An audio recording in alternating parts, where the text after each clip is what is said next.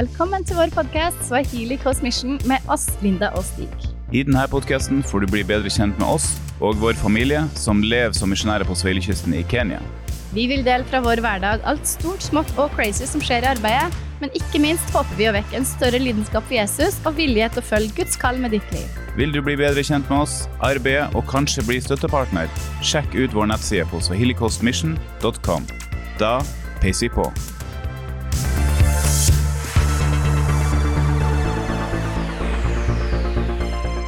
Da, Stig Ove, var vi endelig tilbake i podkaststudio. Endelig, Linda. Ja, har du det greit i dag? Ja, jeg har det litt bedre. Jeg har vært syk noen dager, men uh, føler meg bedre i dag, selv om jeg fortsatt er litt redusert. Ja, det har gått på rundgang på nesten alle på basen nå. Det har vært litt sånn uh, redusert, men uh, ja, nå går det snart over. Ja.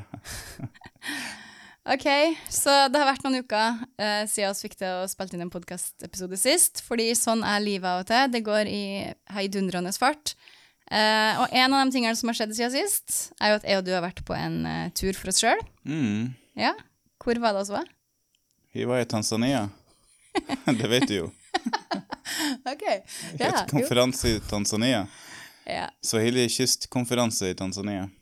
Ja, og det var jo litt kult, for det var jo en konferanse som heter Swahili Coast Consultation, som er for alle som driver misjonsarbeid langs Swahili-kysten. Ja. Så det heter jo Swahili Coast Consultation Conference, og så heter arbeidet vårt Swahili Coast Mission. Så det var jo nesten Det føltes ut som at konferansen var, var Eller at vi passa perfekt inn der, da.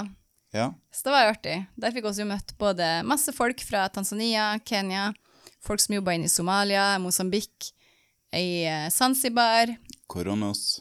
Nei, Komorra. Ja. Og så lærte om en uh, ny øygruppe mellom Madagaskar og Tanzania som heter Nei, Mad ja, utafor Mellom Madagaskar og Mosambik, blir det vel. Litt sør for Tanzania. Men er Så er det en liten øygruppe som heter Komorra, og de blir kalt De glemte øyene. Ja. Og så er det litt morsomt, for du, du glemmer alltid hva de heter. Du kaller det alltid korona eller whatever. Men det heter altså Komorro. Prøv å google det, det var veldig interessant. Det var også ble kjent med en svenske som jobber som misjonær der. eh, I en eh, gruppe med andre amerikanske misjonærer. Jobber de som lærere der, og ja, driver og, og når unådde folkeslag der. Så det var veldig spennende. Det, var, det hørtes ut som en utrolig kul øy. Det er en svær vulkan på den øya som er mer enn 2000 meter høy, tror jeg, over havet. Ja, og som er aktiv. Som er aktiv, ja. Og den øya er 99,9% unådd, altså islamsk.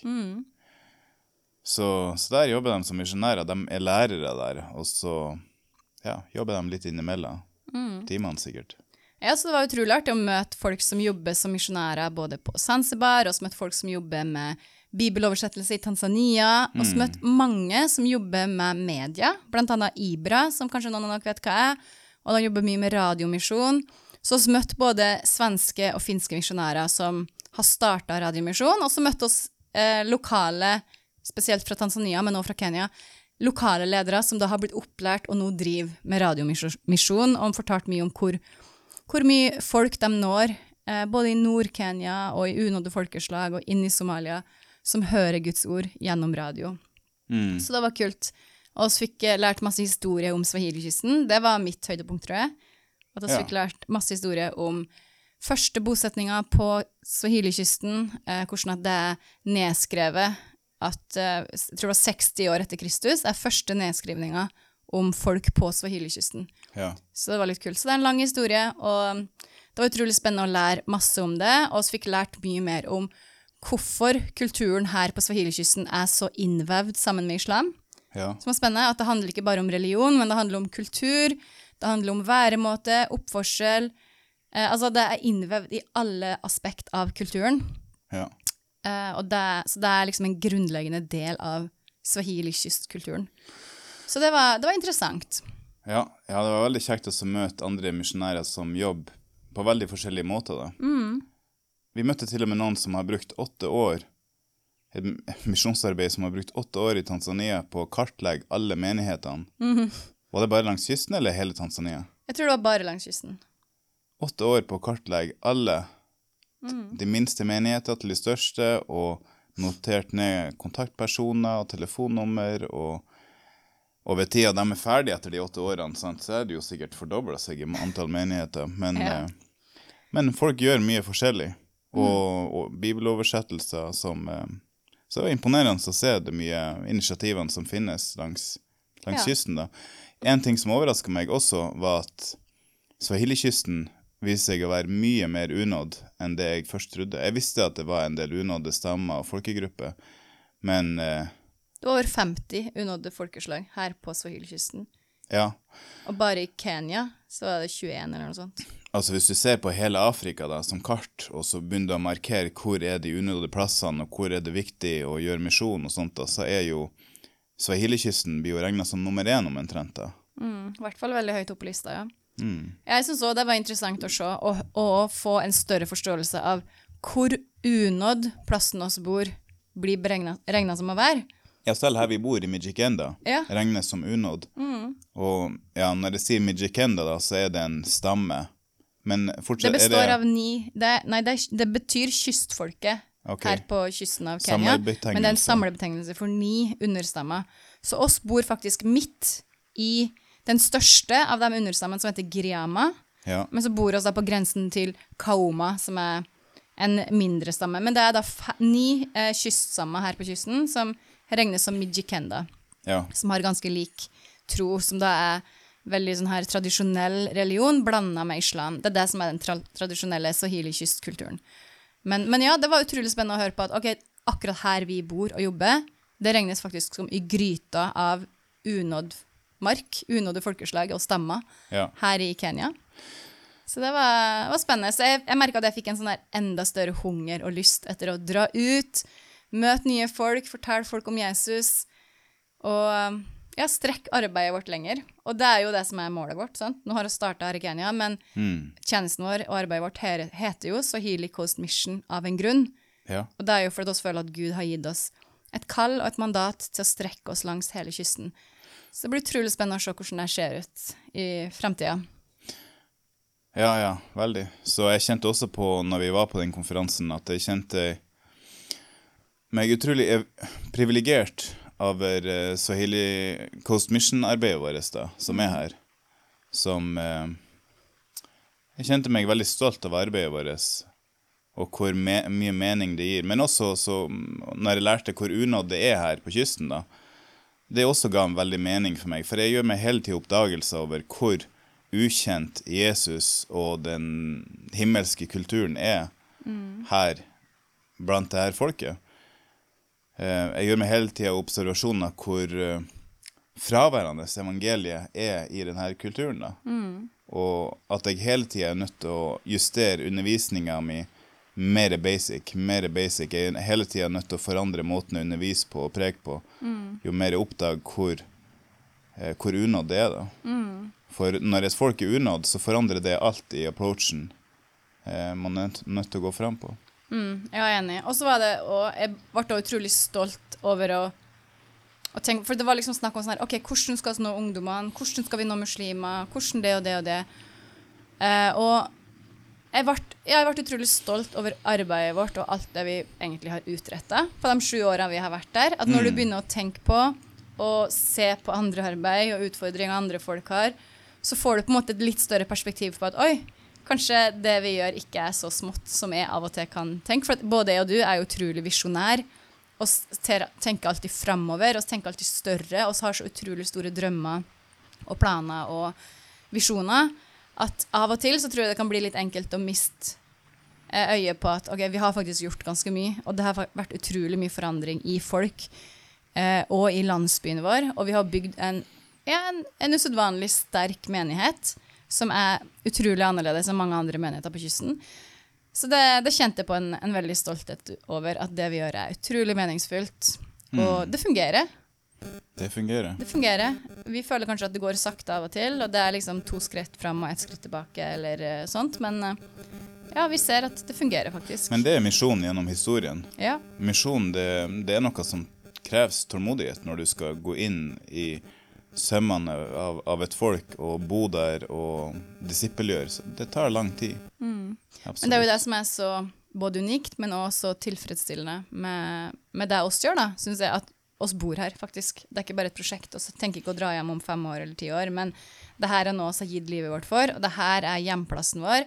Her har vi tenkt å bruke vårt liv på å bo sammen med det her folket, sammen med Mijikenda-stammen, og bruke livet vårt på å gi dem evangeliet og gi dem Jesus, og prøve å nå eller oppfylle misjonsbefalingen så godt oss kan om å bringe evangeliet til alle folkeslag. Så det er spennende. Så det bringer oss egentlig inn i et spørsmål som vi hadde tenkt å takle i dag. Ja. Og det var et spørsmål som vi har fått tilsendt, som var om eh, hvorfor skal vi egentlig forandre kulturen? Er ikke det litt sånn vestlig og imperialistisk tankegang å tenke at vi som hvite skal komme til Afrika og forandre deres kultur?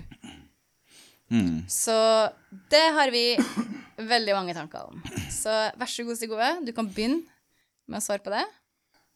Ok, så skal, hvis vi skal snakke om hvorfor vi tror at vi er nødt til å forandre en kultur Vi tror at verden er falt. Det har vært et syndefall, og verden ligger i det onde.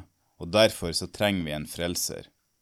Og vi tror at ydmykhet, omvendelse til Jesus og etterfølgelse av Jesus er begynnelsen til velsignelse for folk, for familier, for nasjoner.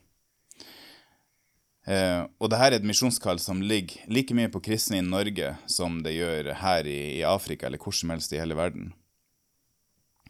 Men jeg vil si at det er ikke sånn at vi er fiende av kultur, at vi er ute etter å ta kultur eller å eh, detox folk fra deres kultur. Ikke i det hele tatt. Men hvis vi begynner med det, og definerer, hvis vi blir enige om hva er kultur, da, så kan vi si at kultur er ideene, det er skikkene og den sosiale oppførselen for et folk. Men hvis da, i det folket, at det finnes skikker som f.eks. okkultiske menneskeofringer, skulle det ikke være greit å kunne adressere det og peke på det og si at det finnes en bedre måte? Eh, hvis det er ligger i en kultur og gjør okkultiske rituelle overgrep mot barn, det må være lov å si at det er gærent, uten å, å si at misjonærer er fiende av kultur, f.eks. Noe som kritikere av misjon noen gang kan si. Vi kan ta flere eksempler på dårlige ideer og skikker og sosial oppførsel som finnes i kultur. Da. Eh, I en kultur hvor man ikke snakker med hverandre om konflikter, men i stedet bare går direkte til shrines eller heksedoktorer for å forbanne hverandre, så må det være rom for kanskje å komme med noen innspill om alternative måter å gjøre konfliktløsning på. Kunne ikke den, kan ikke det være med å forbedre den kulturen? Eh, når de lokale ligger under for kulturell overtro, at de ikke kan jobbe på åkeren på en spesiell dag, ellers blir de forbanna. Kanskje det må være rom for å, eh, å si noen ting om det.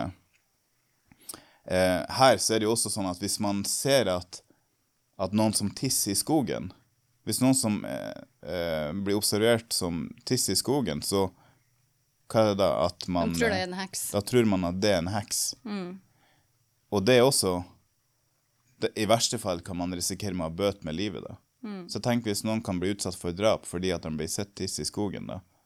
Ja, og som vi lærte i går òg, som jeg syns var ganske interessant, var jo det med at de, mange familier de tror at Altså, de ofrer egentlig en, en person i den familien, så de ofrer som en sånn her eh, Kanskje blir rotete å gå inn på, men at de ofrer det som en eh, em, En gutt som de gir til åndene, på en måte. At de tillater åndene å komme og suge blod, som de kaller det, fra den gutten for at familien kan bli rik. Og de tror at det er nødvendig. Hvis familien skal ha fremgang og bli rik og få suksess i livet, så er de nødt til å ofre en av sine egne.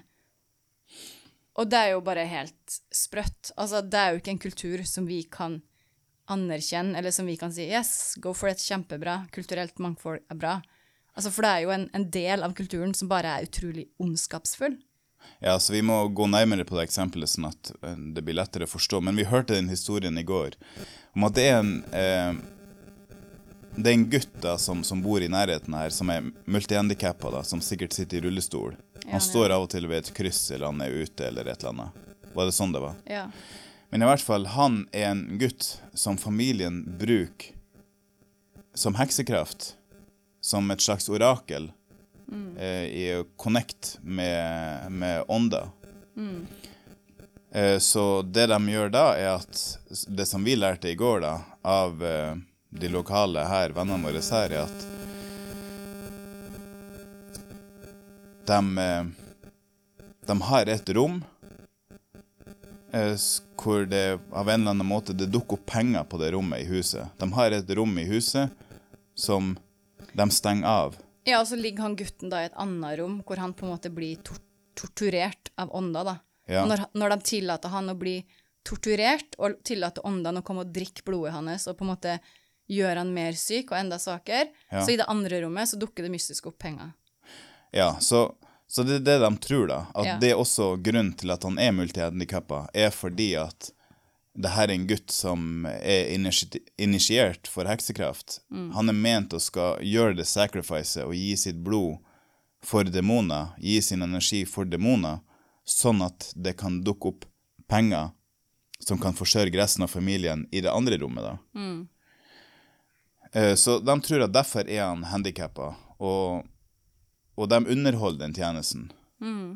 Så stakkars barn. Ja, og det, var, det er jo ikke bare han, men vi ble jo fortalt at det her er helt vanlig, at i mange familier så vil du se at Altså i ma ja, mange familier så vil du se at én gutt I en, en familie hvor en, en, et barn er multihandikappa, f.eks., Ja. så har resten av familien mye rikdom og mye suksess. Det er det de tror, da. Ja, de ofrer én person i familien. Ofrer én person til demoner, og det ritualet eller det offeret ser kanskje ulikt ut fra plass til plass. Av og til så blir de holdt innestengt, av og til på den måten eller den andre måten.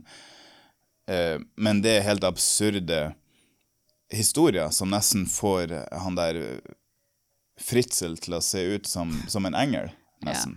Ja, og i tillegg òg så ble det jo fortalt at for eksempel grunnen til at det finnes utrolig, utrolig få folk her med for eksempel Downs syndrom eller andre kromosomfeil eller tilstander, det er at når født, når et barn blir født, og du ser at han ikke ser helt normal ut, så tror du at han er en demon, eller at han er ja, et eller annet, så da tar de og legger han ved et sånt baobab-trær, altså ved et sånt stort gammeldags trær. De forlater den nyfødte babyen der og ofrer han til gudene. Hmm. Så, og det er jo bare helt horribelt. Tenk å begrave barna sine levende sånn. Så, så det her er jo bare ett av flere eksempel som du har delt om at det fins ting i kulturen som det må gå an å adressere, for det er bare så ondskapsfullt. Ja, definitivt. Og det finnes så utrolig mange flere eksempler. Men også bare det med korrupsjon, som også er blitt en stor del av kenyansk kultur. Korrupsjon, bedrag, løgn, løgn, eh, svik, selv mot egen familie. Det er en del Alle institusjoner i Kenya eh, praktiserer korrupsjon. Ja, ja. For det er en så stor del av folket, av kulturen. Og det er jo en ondskap som skaper veldig mange komplekse eh, circles of poverty i hele samfunnet, som gjør det umulig å komme seg ut ifra fattigdom. Og dem som blir taperne da, når du spiller det korrupsjonsspillet, det er jo de svake. Det er barn, og det er de svake i samfunnet. Og så er det jo da noe av det, det noble kallet som ligger på en kristen. Og det å være en sterk for de svake, og tar de svakes sak, tar eh, enkas sin sak. Så vi er jo dem som er ment å gå inn i den rollen og stå opp for barn som lider urett, de svake som blir holdt nede, urettferdig. Eh, så, så det er noen eksempler. Men eh, jeg vil si at er ikke imot kultur i seg sjøl, men bare de onde skikkene, dårlige ideene og dårlig oppførsel som har blitt vevd inn i en kultur over tid. Eh, jeg mener at målet for alle nasjoner er at Jesus vinner full skikkelse i enhver kultur, en helliggjørelse av kultur. Eh, så vi mener ikke at alle kulturer burde være like. Vi syns, jeg syns at det er noe veldig vakkert med de forskjellige kulturene, og at det burde beskyttes. Men det er helt opplagt at Satan har vevd sine veier inn på forskjellige måter i alle verdens kulturer, fordi at verden er falt og lagt i det onde. Men jeg tror at evangeliet kan bringe en slags helliggjørelse og få fram det enda mer unike og det vakre med en kultur, da. For en kultur er jo så masse, da. Kultur er mye, da. Så et annet eksempel da, Linda. Hvis, det, hvis, hvis jeg bare ser på deg sånn hele tida, da. Hvis du ser på en frem... Hvis du går i Oslo, så bare ser du lock eyes og bare ser på dem. Stirre. Ja, det er ordet. Mens du snakker, da. Hvis du bare ser hele tida mens det er en samtale, så vil det bli rart. Så det, vanligvis den koden, den kulturelle koden i Norge vil kanskje vært at du ser lite grann, og så drifter du litt med blikket, og så ser du litt igjen, for å sørge for at eh, å kommunisere at, at du er connecta, du lytter til Men du kan ikke stirre for mye, du kan ikke stirre for lite. Det er en slags kode der som du underholder. Og vi er også opplært at vi kan ikke stirre på folk for mye, fordi det er frekt. Men de her små kodene de varierer seg litt grann fra nasjon til nasjon. De ser ulike ut da. Eh, Så, så her i Kenya så er det jo ikke måte på hvor mye folk kan stirre på deg da. Altså, vi blir jo stirret på hele tida bare fordi at vi er hvite. Ja, men samtidig, når du snakker med folk, spesielt du, hvis du snakker med damer, så er det 99% av tilfellene så vil de ikke se deg i øynene. Ja, så er Det det oppfører, kulturen. oppleves frekt. Ja, så damer burde helst ikke se så mye i øynene, rett i øynene på en mann da. Nei, og i hvert fall ikke på sjefen sin. Da er det liksom Det er utrolig tabu. Ja. Jeg husker som barn at jeg brente meg på denne kulturen. Vi hadde, vi hadde ei dame i gata vår i Åtringsveien som var handikappa. Eh, hun, eh, hun hadde at handa hennes begynte Fingrene hennes Handa hennes begynte rett etter halvbuen. Hun hadde en sånn rar arm. Og så stirra jeg så mye på henne at hun kjefta på meg. Men jeg var bare kanskje åtte år eller ni år. eller noe sånt. Da. Men i hvert fall så syntes jeg at det var ekkelt, så jeg, jeg eh, slutta med å stirre på folk som uh, var handikappa etter det. da. Så bra at du lærte. Men her så, så gjør man det fortsatt selv om man er voksen. Så det er litt Ja. på en annen måte. Og her er det ikke fordi du også er handikappa at også blir stirra på, men det er rett og slett bare fordi oss er hvit. Ja, ja. Ja. Men eh, så, så Sånn det er nå en, en kulturell greie. Men uh, i England da, så kjører man på andre sida av veien enn det vi gjør i Norge. da. Ja, Det er her også òg en kjøres ut. Ja, det gjør vi her også, fordi at det er kolonisert av England. da. Ja. Så, så det er jo ikke sånne ting på det nivået at vi er å forandre kultur. Man må gjerne kjøre på andre sida av veien, eller ha andre rytmer på hvordan man ser på folk, eller hvordan man kommuniserer med andre. Så det er ikke det vi prøver å forandre, men det er det ondskapen som er vevd inn i de forskjellige kulturene. Ja, og når man forstår mer av historien til kulturen her, og hvordan den har blitt skapt, og hvordan det er så primitivt her, så forstår man òg hvorfor det er så mye områder av kulturen som er rett og slett ganske destruktiv. Sant? Ja. Så, så det er jo noe av det vi jobber med, da. Så vi prøver ikke å forandre eh, alle tingene med kulturen, men det som vi prøver å bringe, er jo Guds rikes kultur. Sant? Så vi er jo veldig bevisst på å fortelle folk her at ok, oss har ikke kommet hit for å bringe dere en vestlig kultur, eller bringe dere vår norske kultur, men oss har og sett på ting ved vår norske kultur, og sett på hva er det som ikke stemmer med Bibelen og med Guds rike, og så prøver vi å legge av oss det. Og det samme så kommer oss hit med evangeliet og med Bibelen, og vi måler alt opp mot Bibelen, og vi prøver å lære dem at ok, vi tror at målestokken og idealet for hvordan man skal leve, det finner vi i Bibelen. Jesus er det beste eksempelet på hvordan man kan leve livet sitt. Så vi prøver å sammenligne livet vårt og kulturen vår med Bibelen. Og så finner vi da ting i kulturen vår, både på norsk side, men òg på kenyansk side, spesielt her på kysten, som ikke går overens med det som vi lærer i Bibelen. Og da prøver vi å legge fra oss det. Sant? Ja, det er det, vi prøver sant. å gjøre. Det, det er helt sant. Veldig, veldig bra sagt, Linda. Jeg måtte bare sette telefonen min på Ja, det var litt morsomt, for du sa til meg fem ganger før vi begynte å ta opp, at jeg måtte huske å sette telefonen på flymodus. Og jeg bare Ja, ja, selvfølgelig. Ja, jeg gjorde det sist. Og hvem var det som glemte det? Var selvfølgelig du. Jeg er flinkere til å passe på andre enn meg sjøl. Ja, OK, nå hører dere, folkens. Sånn er, sånn er det å være oss. Hvis de Ove prøver å passe på meg, men eh, han glemmer seg sjøl. OK, det er kanskje også en ting vi må prøve å forandre på. Men jeg, jeg vet ikke om man skal skylde på kultur. Men jeg synes eh, når vi snakker om kultur, så er det også verdt å, å si at eh, det er viktig at folk gjør forskjell på det som er kolonisering, og det som er misjon. Og at uh, misjonshistorien og kolonihistorien i Kenya er to veldig forskjellige ting. Og det dekket vi i en annen podkast, vi tenker å snakke så mye om det her, da. Men når uh, han første misjonæren kom til Kenya,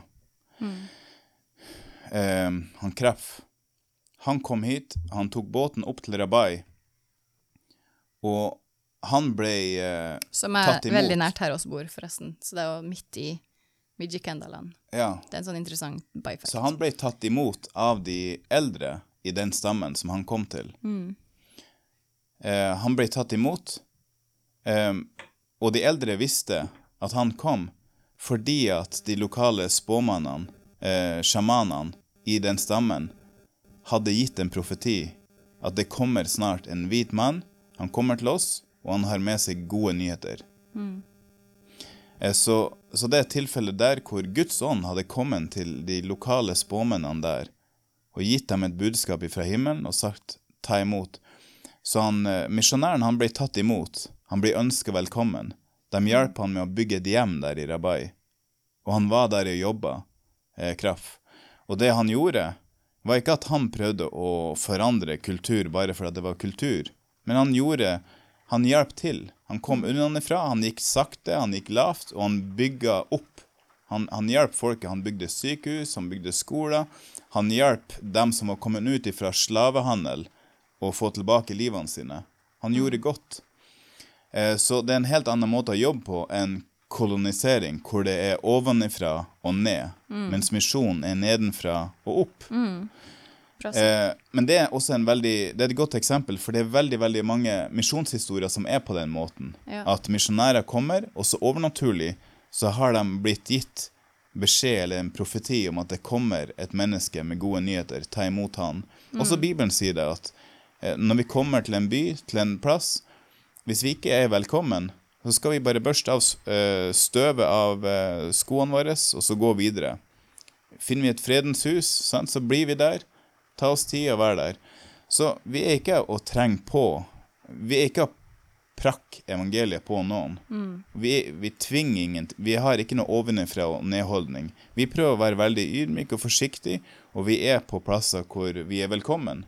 Og når vi kommer hit, Linda Det første som skjedde, var at vi ble tatt imot av de eldre her. Vi var på kontoret der på en som A, og de eh, var dypt, dypt takknemlige for at vi ville gjøre vårt hjem her, blant dem. Og de gjenkjente oss som et bønnesvar. De hadde bedt til Gud, og de så på oss som et bønnesvar til sitt samfunn. Også her så var det jo en fest for oss, en velkomstfest for oss her oppe, hvor de ga oss navn, deg Katso, de ga meg Charo, og de feira eh, vår ankomst, eh, og at vi ville bo her sammen med dem. Så vi er her ikke for å sjef eller eh, være dictators, eh, men vi er her for at vi er velkommen. Og hvis den dagen kommer hvor vi ikke er velkommen lenger, ja, selvfølgelig, da skal vi dra. Vi skjønner at vi på en måte så er vi gjester i noen andre sitt hjem. Ja, og samtidig så har oss utrolig stort fokus på, som du sier, oss kommer ikke hit for å prakke noen ting på noen, men oss lever her Altså, oss lever hovedsakelig som vår familie her. Vi lever som naboer, vi lever som venner. Og så prøver vi bare å vise en alternativ måte å leve på. Vi prøver å vise og demonstrere hvordan et godt og sunt ekteskap kan se ut. Hvordan det går an å oppdra barna sine på en måte de aldri har sett før. Og hvordan det går an å være trofaste venner, det går an å drive en menighet, og det går an å leve livene sine på en annerledes måte enn det de har gjort før. Så vi på en måte bare bringer et alternativ som vi demonstrerer for dem. Og så er jo de selvfølgelig da fri, sant? men vi kommer ikke til å si dere må gjøre sånn og sånn og sånn og sånn hvis dere vil at dere skal bo hos dere, eller ja, hva som helst. Men oss prøver bare å demonstrere og komme nedenfra og opp, som du sier, Ja. og være gode venner og bygge relasjoner. Um, ja, og så er det det som skaper forandring. Og vi går fram eh, i takt med, med vår mottagelse, eller hvordan skal jeg si det. I, så vi, vi brøyt oss ikke frem. Nei. Vi åpner ikke opp døra. Vi eh, lar døren bli åpna opp for oss, og så går vi inn. Så, eh, så det er misjon. Og vi tror at kultur er noe som er vakkert. Ja. Og det hadde vært kjedelig hvis alle verdens kulturer hadde vært helt likt. Ja, det Så det er sant at vi er ute etter å se en himmelrikekultur her på jord. På samme måte så sier vi jo at vi tror for en, en kristen En kristen Målet til en kristen er å bli lik Jesus, å bli Kristus-lik. Men det betyr ikke at alle kristne skal bli likens. Ja. For hvis Kristuslikhet skal oppfylles i hver enkelts unike personlighet På samme måte er det med, med kultur, da. At når vi vil at det skal være en himmelrikekultur, så er det at himmelen vinner skikkelse i den lokale kulturen som er der, og får rensa den, eh, lutra den i ild, på en måte. At det onde og det som holder en kultur nede i fattigdom, eh, at det blir rensa ut, sånn at en kultur virkelig kan blomstre da, og prosper, og bli enda mer unik og vakker. Eh, så evangeliet er en eh, beskytter og en velsigner av kultur. Det som er fiende av kultur, er synd. Denne verdens ånd er en fiende, av kultur, vil jeg si. Synd er en fiende av kultur. Det gjør at en kultur Overtro eh, blir en fiende av kultur. Det gjør at en kultur blir holdt nede. Det gjør at barn og de svake lider for alltid. Eh, Så det er helt nødvendig at eh, evangeliet kommer inn eh, og bringer frelse til en hel kultur. Ja, og for at det skal skje, så er det nødt å å skje noen beskjærelser. Ja, sant. Ja, og en stor del av det vi gjør her, ikke bare bygge relasjoner og demonstrere, det er jo at vi prøver å utvikle og bygge opp landsbyen vår, sånn som du sa en Ludvig Kraff gjorde der i Rabai i begynnelsen. Så vi kommer jo hit og prøver å lære folk, altså både gi dem utdanning og leksehjelp og alt det her, men også lære dem business skills, lære dem økonomihåndtering, lære dem hvordan å starte små bedrifter. Eh, vi holder jo på å skal bygge butikksenter her nå, hvor vi skal ha både en kafé og en butikk og en maismølle. Og så har vi lyst til å bygge sånne her eh, utleieboliger etter hvert. Og så, og så prøve å bringe mange forskjellige måter av utvikling til landsbyen vår. At vi prøver å lære dem å håndtere penger og få seg jobber, sånn at de kan få mer framgang. For at når oss kom hit til denne landsbyen, så var det jo ikke engang bilvei inn hit. Det var jo bare en sånn liten gåsti. For det var ikke biler her, og det var ikke engang motorsykkel. Altså, det var bare så øde og så bortgjemt at de fleste eldre, eller ja, fra voksen alder oppover, de snakka ikke engang swahili, de snakka bare stammespråket giriama, for de har nesten aldri vært utafor landsbyen. Sant? Så, så det vi Det er noe av de tingene de er mest takknemlige for, eller bortsett fra selvfølgelig å bringe dem evangeliet, er jo at det også kommer med utrolig mye utvikling. Og for eksempel når vi har bygd basen vår her, så har jo 99% av arbeiderne våre har vært lokale naboer. Som gjør at vi har bringt utrolig mye utvikling til landsbyen vår. Så nå er det jo både vei inn hit, vi har hjulpet til med å få vann inn hit, og det har kommet masse, masse nye hus i landsbyen vår. Og folk har fått muligheten til å bygge seg hus med både eh, blikkplater og kjøpt seg land, og det har kommet en utrolig mye mer velstand i landsbyen vår på grunn av vår tilstedeværelse her. Så det er jo en sånn veldig positiv ting som har skjedd, da, som ikke bare er liksom sånn her kulturell eh, Altså, jeg vet ikke. Vi forandrer jo på en måte kultur ved det òg, men vi forandrer ikke bare kulturen, men vi forandrer livskvaliteten deres. Ja, ja, absolutt. Så, så det gjør også at jeg, jeg er stolt av Soily Coast Mission. Jeg er stolt av det arbeidet som, som gjøres. Så det er jo Tenk på bare rene kulturelle forskjeller som, som vi ser her, da, som ikke nødvendigvis er ondt, men som kanskje er vakkert. Tenk hvor bare den rytmen og dansen som er i folket her, som omtrent er helt fraværende hos oppdalingene eller helgelendingene. Ja. Kanskje ikke hos bergenserne, men Ja. Daniel er ganske flink til å danse. ja. ja, bedre enn meg i hvert fall. Ja, det er sant. Det er en sånn vakker ting med det. Også en vakker ting med kulturen som jeg syns, som jeg egentlig ikke har tenkt så over med, før jeg hørte Daniel sa det på deres podkast i går, det var det med at eh, her så er ikke den sosiale flatene digital, sånn som det kanskje er på Norge. I Norge kommuniserer vi mye mer over telefon og data og eh, digitale plattformer, mens Ja. her så skjer alt gjennom jungeltelegrafen og å møtes Ja. eh, ansikt til ansikt, som er en utrolig fin ting. Altså Her er det helt vanlig å bare gå på besøk til hverandre, ubedt. Og som I Norge er jo det blitt en uting. Du går jo ikke på besøk til noen Nei. på en ettermiddag og bare 'Hallo, kan jeg komme inn?' Ja, ja, sant. Da hadde du jo blitt helt sånn her wow, det her er ukomfortabelt. Men her er det helt normalt. Det er det vi gjør hele tida. Så plutselig kommer det folk på porten hele tida og bare 'Hei, skulle bare komme på besøk'. Ja. Og da kjenner jeg at jeg som nordmann føler at det er litt ubehagelig. Men, for det er ikke alltid at jeg har lyst på besøk, for å være ærlig. Men, men det er jo bare en sånn del av kulturen at ja, sånn er det her. Man er velkommende, eh, man er sosial, og man er Ja. omgjengelig. Og det er en vakker ting, syns jeg. Ja, det syns jeg også. I Norge så er det jo Det er jo positive ting det med å være veldig tidsorientert og effektiv, som vi er i Norge, da. Ja. Men, eh, men det som er vakkert med her også, er at skal du gå til butikken her, da, så kan det gjerne ta noen timer, for du stopper på veien, og så møter du en nabo, og så går du inn på te, og så forsvinner tida litt, grann, og så er 100% oppmerksomhet og energien er bare på det relasjonelle, rett der og da. Man ser hverandre, man lytter til hverandre, man har samtaler med hverandre. Man bruker lang tid på bare å hilse på hverandre. Bare hilsninger er en femminutterssekvens frem og tilbake før man faktisk kommer inn i den samtalen. Da. ja, ja, det er jo veldig morsomt. Så det er noe utrolig fint med det også, syns jeg. da. Ja. Den, Og- eh, det, at det ikke er noe jag etter den der Det, det jaget er ikke der, da. Ja. Og husker i begynnelsen så fikk vi jo en sånn her sjokkopplevelse i begynnelsen, for vi kunne ha noen, eh, om det var hushjelpa vår eller hvem det var i begynnelsen, som kunne komme 30 minutter for sent på jobb. Og sånn her, hei, hvorfor er du sen? Nei, jeg møtte en kjenning eh, på gata, så bare jeg ble stående og prate med han. Og i Norge så hadde jo det bare vært helt uhørt, sånn her, hallo. Du kan ikke gi en unnskyldning at du ble stående og snakke med en venn på gata, derfor er du 30 minutter for sent på jobb. Men her så var det regna som en helt normal og godkjent grunn. For det er liksom, ja men hallo, det var jo viktigere å gjøre ferdig den samtalen enn det var å komme tidsnok på jobb.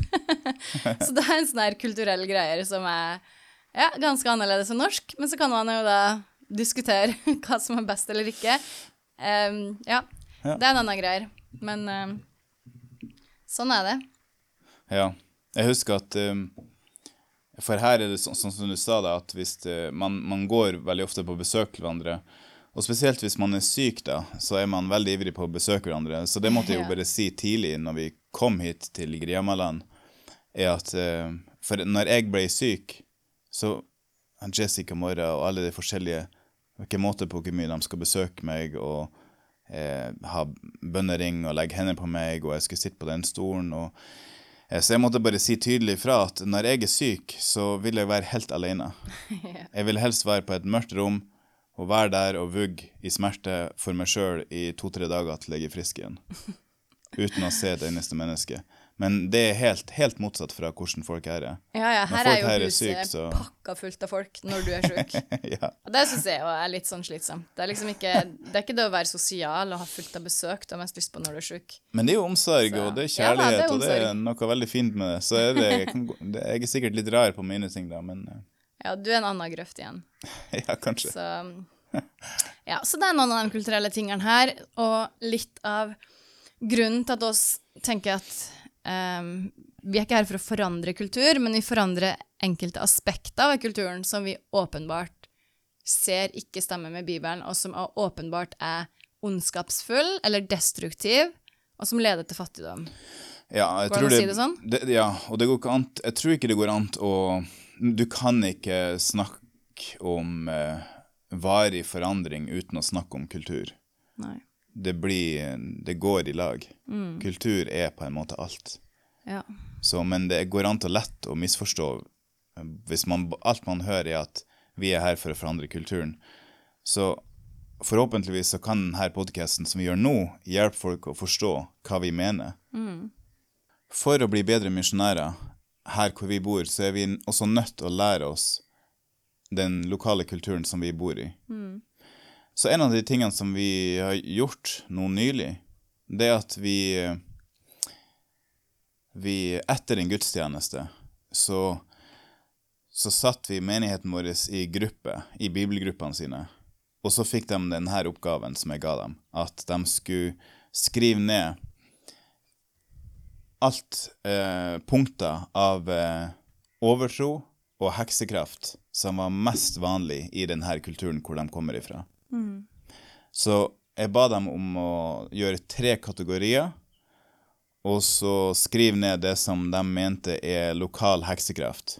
Skrive ned punkter på det, praksis på det, og så kategori nummer to, det var Overtro. overtro. Eh, og kategori nummer tre er ting som de tror er overtro eller heksekraft, men er ikke helt sikre. Og så hadde vi alle de forskjellige bibelgruppene som satte seg ned og samtalte i lag og skrev ned mye forskjellig. Så igjen så fikk vi masse ark da, med mange, mange interessante punkter, hvor vi lærte mange, mange nye ting da. Eh, så Og her er det jo mange ting da, som skaper et vanvittig fengsel for, som folk lever i. Som evangeliet virkelig kan sette fri. Men kunnskapen om det onde ved en kultur er vi nødt til å lære oss, sånn at vi kan hjelpe folk å se hvordan man kan legge til evangeliet i sine liv spesifikt, sånn at det kan bli til frihet. Ja. Sånn at en kan sette folk fri fra frykt. Og så nærmere hva jeg mener med akkurat det, da. Så kanskje jeg tenkte bare kunne lese opp noen av de punktene. Jeg har valgt ut noen få punkter her. ja. Pass på at du leser på norsk og ikke engelsk, da. Ja, jeg vet ikke om jeg er klar, om jeg har hjerne til å oversette samtidig som jeg leser engelsk. Jeg vet ikke om det her er en jobb for deg, Linda, okay. men For lese det på engelsk, da skal jeg prøve å hjelpe deg å oversette. OK. Hvis du ikke klarer det sjøl. Jeg kan prøve. Ja, OK, prøv. OK, så live oversettelse, da. Å tatovere kroppen for å beskytte mot heksekraft, Ja, eh, eller det å bli forheksa. Så lokal overtro er at du får spesielle tatoveringer, Mm. og det kan gjøre deg immun mot heksekraft. Ja, gjerne i sånne sirkler under øynene, eksempel. Sånne Ja. svarte sirkler. Så det ser du veldig ofte at de eldre har. Ja. Mye sånne tatoveringer i ansiktet og rundt om. da. Mm. Eh, så, så da har du den frykten der som eh, gjør at du burde ha tatovering. Eh, hvis ikke er det mye større sjanse for at du kan bli under forbannelse. ja, og ikke bare det, men på babyer, for eksempel, så er det vanlig at de bruker å ha en sånn tråd rundt livet på babyen Ja. for å beskytte mot onde ånder og sykdom, for eksempel. Ja, så det er også de tingene som er på lista her. Ja. Så vi bare tar neste, da. Eh, eh, hvis, hvis du er på tur å gå til jobb, og det er en baby som eh, snis, eh, som eh, Nys. nys,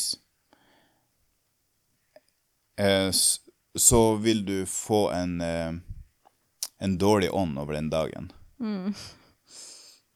Så det er en lokal overtro, da. Eh, når ei ugle rop Ikke rop, ei ugle roper ikke, men når ugle Ul. Ul. Så, grunnen til at jeg snakker stykkevis og delt og dårlig nå, er fordi at igjen, jeg vil bare minne på at jeg gjør live translation av engelsk til norsk. Ok, Men- når jeg ugler ul, Eh, med stor styrke, da, så tror folk at noe dårlig kommer til å skje. Ja, at noen blir å dø. Ja, noen kommer til å dø. Eh, ved fødsel, hvis denne navlestrengen detter på babyen, eh, så vil det gjøre at babyen eh, ikke blir mist sin fruktbarhet, og at han kan ikke reprodusere senere. Eh, hvis du har chickenpox, hva er det på norsk? Vannkopper. Hvis du har vannkopper, eh, så burde du se eh, Det står If you have chickenpox, people should look at you when doing sex. Nei. Ok, det var, litt, det var litt uenighet i forskjellige grupper om det. For I vår gruppe så fortalte at når du har vannkopper, eller hvis barnet ditt har vannkopper, Ja, så bør ikke foreldrene ha sex. OK. Fordi at da blir ungen å dø. Oi. Og hvis de hadde sex, så bør du ikke se på barnet ditt. Hvis, Altså, da, bør du ikke, ha- da kan du ikke gå inn til barnet ditt. Hvis du har Hvis du har hatt sex med mannen din, for eksempel, OK. så kan du ikke ta deg av barnet ditt som har blitt, hatt vannkopper. Da må han bli latt, etterlatt for seg sjøl. ok. Ellers kan han dø. Eh, hvis du har et sår, eh, og det er noen som er bekymra for det såret ditt, så kommer såret ditt aldri til å gro. Så nå går jeg gjennom forskjellige punkter, men mønsteret i de her punktene da, er at det er veldig fryktbasert, og at legg merke til hvordan det skaper et psykisk fengsel som blir trangere og trangere og trangere, og skaper større barrierer jo mer vi kommer ned på det her. Så tenk for et helt folk som lever i, i tusenvis av sånne her punkter av overtro hver dag. Ja, for det er mange. Og så har vi sikkert Og alt er 100 punkt- Ja, og så har vi sikkert 100 punkt på den lista vår, og det her er bare en brøkdel av det folk tror. Ja. Sant? Og som du sier, de blir utrolig fanga i frykt og ja, begrensninger. Hvis ei flaggermus kommer inn på soverommet ditt og lager noe lyd, eh, så betyr det at noe dårlig kommer til å skje med deg. Eh, hvis eh, navlestrengen blir stjålet av ei heks, den forsvinner da, eh, så betyr det at du kommer til å bli en failure, en taper i livet. Eh, du kan ikke kutte neglene dine på kvelden. Hvis, ikke, hvis du gjør det, Kløpne. kommer du til å bli en tyv. Klipp neglene dine. Ja. Ah, ja, den var, den var ny, den har jeg ikke hørt. Eh, du kan ikke se i speilet på kvelden. Ok. Eh, hvis du skal på en reise, eh, og du forteller folk om reisen din, så kommer du til å havne i en ulykke. Den husker jeg faktisk at til og med i begynnelsen, når Doro flytta inn til oss, så trodde han på den. For det satt så innvevd i trossystemet hans at i begynnelsen, når jeg bare skulle liksom, til Mombasa på oppfølging på sykehuset med foten hans og forskjellig sånn, så ville han ikke at jeg skulle fortelle det til noen. For da var han liksom redd for at ja, da blir det, blir det å skje noe. Ja. Så det tok liksom en ganske lang tid før han fikk de tingene der. Så det, det satt utrolig innvevd i trossystemet hans. Ja, fordi det er blitt kultur, Ja. og det sitter så dypt. Det er blitt en del av et folk når det er blitt kultur.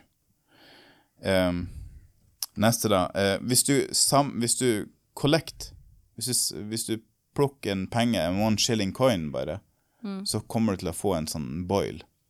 Byll. en byll. Eh, å henge bein på huset ditt gjør at du får en slags beskyttelse mot hekser. Eh, hvis et ungt barn dør, så må du begrave det barnet under senga di.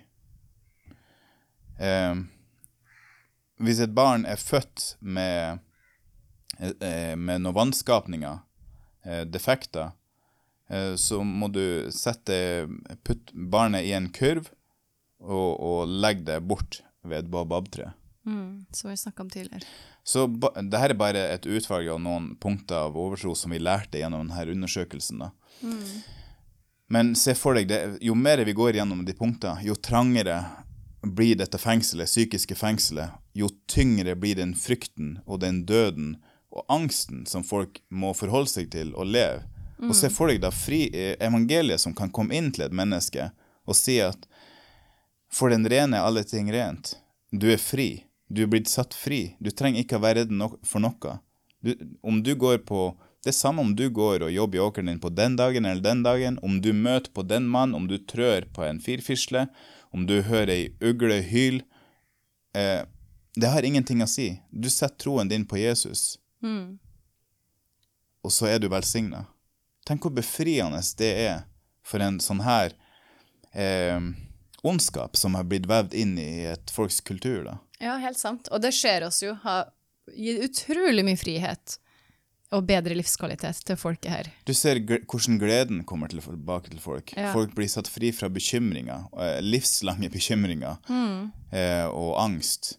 Eh, og det, kom, det er fantastisk å se Egriama-folket som er blitt frelst og satt i fri. Frihet. Og den gleden som de gjenspeiler. Halima, Wasi, er vennene våre som er blitt satt fri, grepet Ja. av evangeliet, og ikke kommer under eh, truslene av de her svevende eh, lokale overtroende, heksekraften som finnes. da. Ja, det er kjempenydelig. Og det er så utrolig tydelig å se hvor enormt mye bedre livskvalitet, og hvor mye, hvor mye lengre de har kommet i livet enn bare sine egne familiemedlemmer. Ja. Sant? Bare av at de har satt sin tro til Jesus, og de frykter ikke lenger alle denne overtroen og alle skikkene, og de, ja, de er ikke opphengt i alle de der tingene lenger, men de har blitt fri. ja, de De har blitt blitt fri. fri, og det er så utrolig, utrolig nydelig å se. Og det er det største privilegiet på jord å få lov å være med og gi den friheten til folk, og få presentere Jesus til folk, og vise dem at OK, det finnes en frelser, det finnes et navn som er større enn alle andre navn, og det finnes et navn som er større enn all frykt. Det er bare utrolig, utrolig vakkert å få lov å være med å gi det til det her unådde folket her på Swahili-kysten. Og det er jo i kjølvannet av evangeliet nå som kommer til et folk, at vi ser at kulturen deres blomstrer. At personligheten til Hualima og hvem hun er som person, blomstrer. At vi kan først lære oss å kjenne, bli kjent med henne når hun blir satt fri. For før evangeliet så var hun Halima Wasi De var jo bare skygge av et menneske. Ja. Vanskelig å bli kjent med. Undertrykka til tusen. ja. Som et helt stengt Som spøkelser. Ja. Det samme er det ofte blant uh, tenåringsjentene som bor her. De er bare skygger av personer. Det er nesten umulig å bli kjent med folk eller å se hvem er du, hva er personligheten inni dette mennesket. Men det er først etter at folk er blitt satt fri, at de kan lære seg å oppdage hvem er det jeg egentlig er. Og det er fantastisk. ja, det er fantastisk. Det er utrolig nydelig. Som vi sa i en tidligere podkast, at evangeliet er ikke noe som kommer inn i en kultur og legger en byrde på stein, eller byrde på byrden. Evangeliet er det som kommer inn og setter et folk fri fra overtro og heksekraft. Evangeliet er kur. Er den eneste kuren mot overtro. Ja, Så det er det største privilegiet i verden å få lov å bo her og bringe evangeliet til det her unådde folkeslaget, og få se. Jesus vinne skikkelse i folk, og få se den friheten og gleden og hvor lykkelig folk blir når de blir kjent med Jesus. Det er det største privilegiet. Så tusen takk til alle dere som har hørt på i dag. Tusen takk. Vi snakkes neste uke. Ha det. Takk for at du ble med oss på hele episoden, og vi håper du blir inspirert til å følge Jesus der hvor du er i din hverdag. Har du spørsmål du vil vi skal svare på i neste episode?